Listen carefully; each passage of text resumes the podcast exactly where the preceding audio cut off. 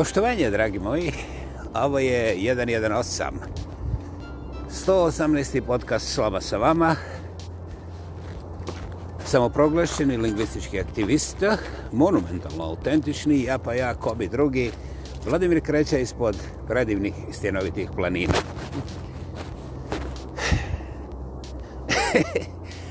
Znate, eh, meni je čak malo i žao što ne mogu da napravim kompletan podcast samo od ovoga e, disanja, nedisanja, teškog disanja, otežanog disanja, puvanja, mmanja i tih teško slovima predočljivih e, zvukova u ljudskoj komunikaciji. Doista. E, vrlo je zanimljiva stvar, riječ, znate, ovaj, i ja se ne sjećam, ispravite me, ali u mojoj školi riječ nije bila tretirana kao alat, odnosno barem dio alata. Riječ je bila neka definirana, glorificirana, prevelika neštonija, nešto što se uvijek vrtilo iza brda, i uvijek je bilo da riječ nekoga je riječ, a riječ nikoga, e, to nije riječ, to se ne računa. Dakle, tu već imamo jedan glomazni problem koji je nasađen na nepostojeći temelj. Naime, šta je riječ? Ha, ha, ha. Tu dolazimo pa do vrlo kompliciranog pitanja koje ja naravno ne mogu postulirati u 15-20 minuta, hvala što se slažemo, to ćemo ostaviti nekom, za neku drugu zgodu i doista ćemo učiniti to skupa, ali, znate, riječ, uglavnom, to je nekaka, nekaka, dobro, i nekaka, ali je nekakva konvencija, e, postaje riječ onda kada je u društvu više riječi, pa onda po nekakvim pravilima i onda je to kao jezik. Znate, tehnički možemo da se složimo. Ovaj, međutim, daleko je sunce, a pojme nemam gdje je Laza Lazarević. I ne treba mi u ovoj priči, ali sunce je daleko. Evo ako uzmete bilo koji metar, neće vam pomoći da izmirite koliko je to daleko, jer je ono previše. Eto, i tu se slažemo. Dakle, kada riječ postaje riječ? Pa riječ ne postaje riječ zbog jezika, vjerovali ili ne. Hvala što se ne slažemo, ja znam da se 30 do 40% ljudi odmah ne slaže. I to je dobro, i to znači da vi imate svoju teoriju. I ovaj ona sigurno radi odlično, čuda, čuda radi za vas. I bravo, bravo. Međutim, u mojim teorijama, vaše teorije, nemaju moć. Dakle, ja govorim i dalje. Moj podcast, moja roba. Dakle, rič je rezultat ne samo promišljanja, ne samo ulaska bezbrojnih informacija u naš sistem, šta god vi htjeli da koristite kao riječ za čovjek, život i sve to što predstavlja pojedinca, jer ipak mi nismo dimenzija samo peka, mesa i tih nekih, neću ih pominjati, sredstava, znači što se mjere na vagu, nego u nama ima puno sadržaja, različite vrste, od kojih neki nisu čak ni imenovani, a većina ljudi vjeruje da imamo i sadržaje o kojima još uvijek ne da nismo progovorili, nego ne znamo ni kako ih imenovati. S čime se ja slažem. Dakle, Jedno ljudsko biće je ne samo identitet toga špeka i imena i visine i šta ima u gaćama i u džepu, nego je to neuporedivo više i sad već možemo da dotaknemo i crkve i religije i sve to skupa i opet nećemo doći do konačnog ne samo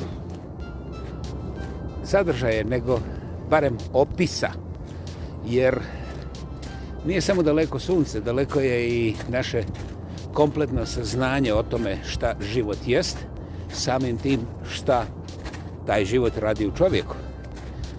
I kao što neki tvrde da je čovjek samo duhovno biće koje ima taj život u tjelesnoj pojavnosti, znači u tom 3D kojemu mi kao funkcioniramo, dakle, tu priča počinje da bude vrlo kompleksna i ja je tu ostavljam.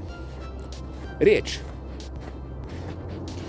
Dakle, u jednoj jedinoj sekundi naša naši, naši tentacles, kako bi rekli ovi, znači svi ti naši indikatori, znaš, za svjetlo, za temperaturu, za zvuk, za neobjašnjivo i tako dalje, primaju 10 do 11, ovo je zanimljiva brojka, provjerite vašem Google, 10 do 11 miliona bita.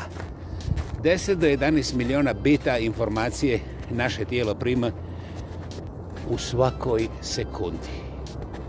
Wow! Wow! U svakoj sekundi. Najsvjesniji među nama, to znači ne samo intelektualno najrazvijeniji, nego oni koji imaju moć da prate te informacije više dimenzionalne elemente našeg stvarnog postojenja, cijeline, šta mi predstavljamo, šta zapravo jesmo. Znači, najmoćniji među nama imaju moć da kontaktiraju, komuniciraju ili barem donekle artikuliraju od tih 10 do 11 miliona bita samo 40 i to se predstavlja kao apsolutno fantastično, genijalno i tome slično. Dakle, svaki sekund naše tijelo prima, naše biće, bolje rečeno, prima do 11 miliona bita informacije o svemu oko nas, a mi zapravo imamo svijest, ako smo super genijalci, sa samo 40 bita. Inače, većina nas funkcionira na 5 do 7 bita po toj sekundi, i to onako ako smo trijezni, ako nismo napijeni, ako nismo ekstra bolesni i tako ta slična stanja.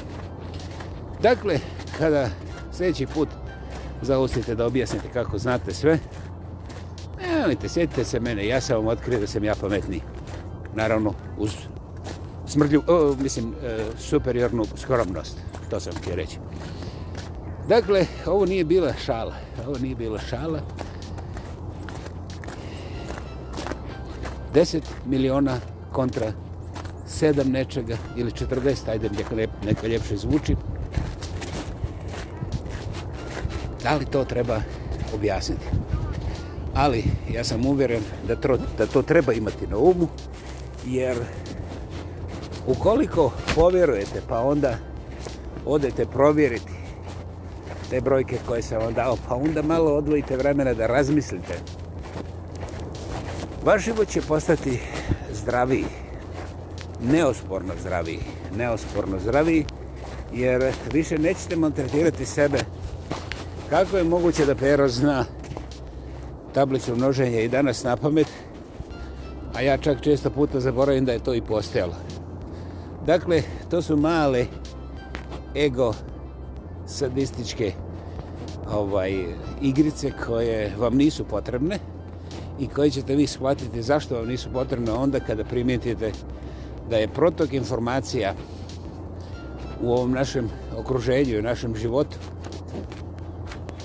apsolutno van naše kontrole i da se dešava doslovce neprekidno čak nema ni slučajne stanke.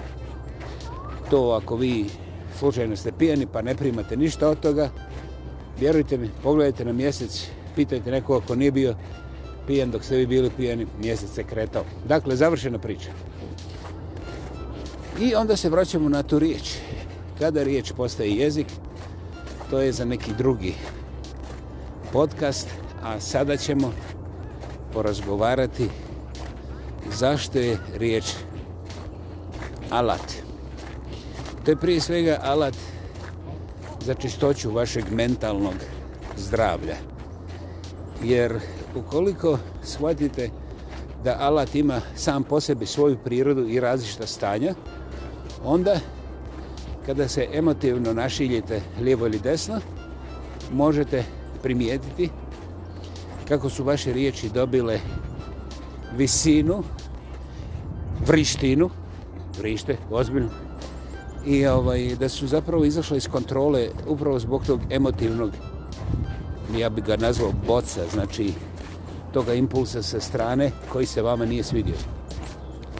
E sad, ukoliko vi shvatite da je riječ alat, onda ćete također primijetiti da emocija nije zapravo riječ. Riječ. Emocija je jedna sasvim nezavisna kemijsko-biološka kemijsko radnja koja zapravo proces, proces, vjerovali li ne, koji se dešava onako sam po sebi. Vi ne možete da odlučite kad ćete vidjeti da je neko povukao pištolj i razvozao sebi glavu. I u tom momentu ne možete organizirati svoju reakciju. To je kompletno nesvjesno, refleksivno, impulsivno, i to je bazični instinkt preživljavanja. Dakle, zaboravite riječi, zaboravite e, mudrosti. Ako neko pored vas opandrči metak sebi kroz zube, vi nećete imati priliku da organizirate svoj odgovor na to. Ali, neki ljudi u takvim situacijama izbace odgovarajuće riječi koje ih mogu ozbiljno koštati razlog. Razlog je što ti ljudi vjeruju da je emocija i riječ Look, e, potpuno identična stvar. I kao što vidite, da sve smo to jasno objasnili, to nema nema gotovo nikakvog zajedništva sa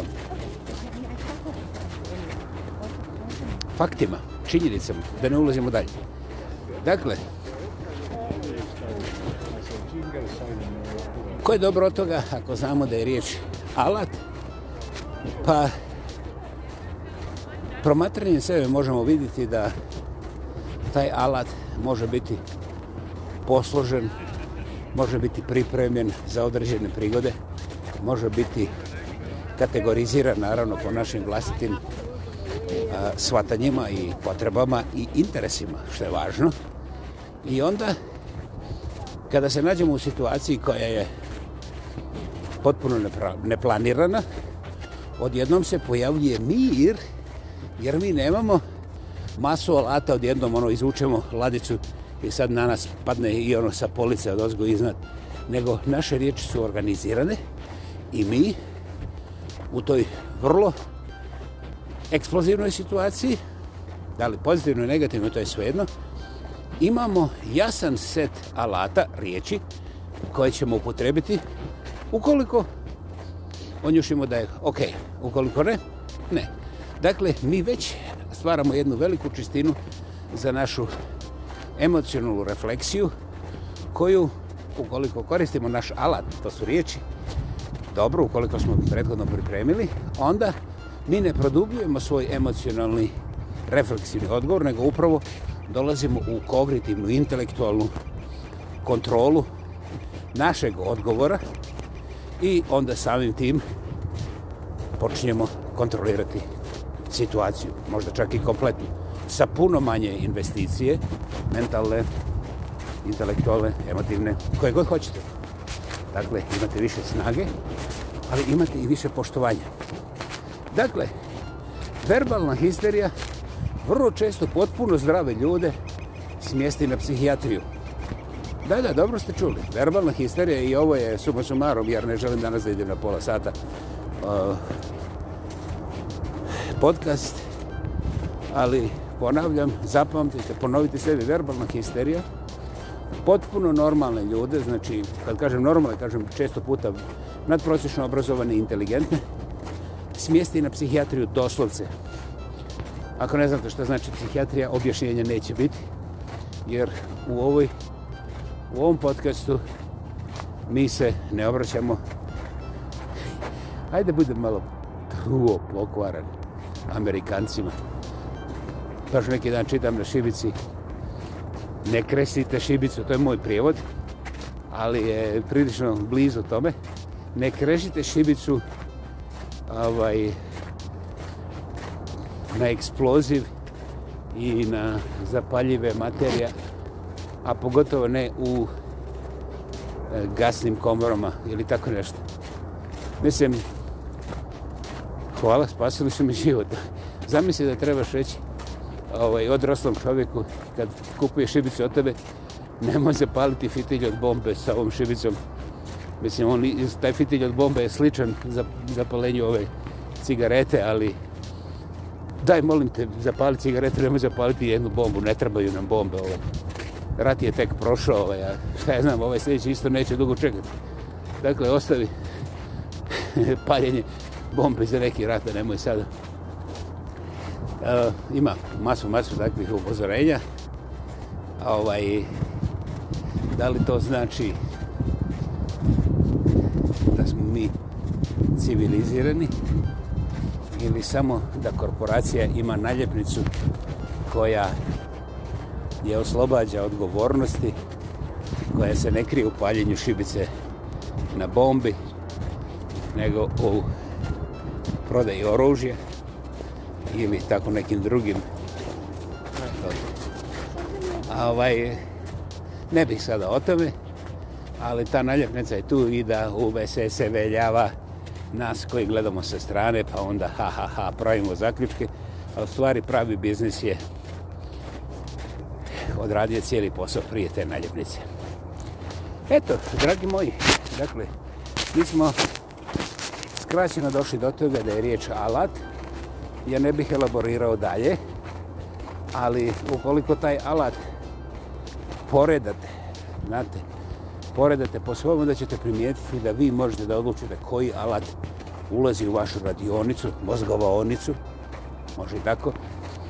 I kada to odlučite, kada napravite to pospremanje koje može trajati cijelog života vrlo lako, ali postavite princip psovke, nikada u blizini djece, a, pornografske izraze, a, nikada u blizini punice, možda žene, zavisi kako koja, ovaj, i naravno ne na radnom mjestu, bez obzira kako je to radno mjesto, onda sportski izrazi, razumiš, ne trebaju da se ukrštaju sa političkim, iako to mnogi rade, ali ako sport ne ukrstaš sa politikom, onda se odjednom desi, dođeš sa utakmice nacrcan, ali oba oka otvorena, što je za mene dobitak.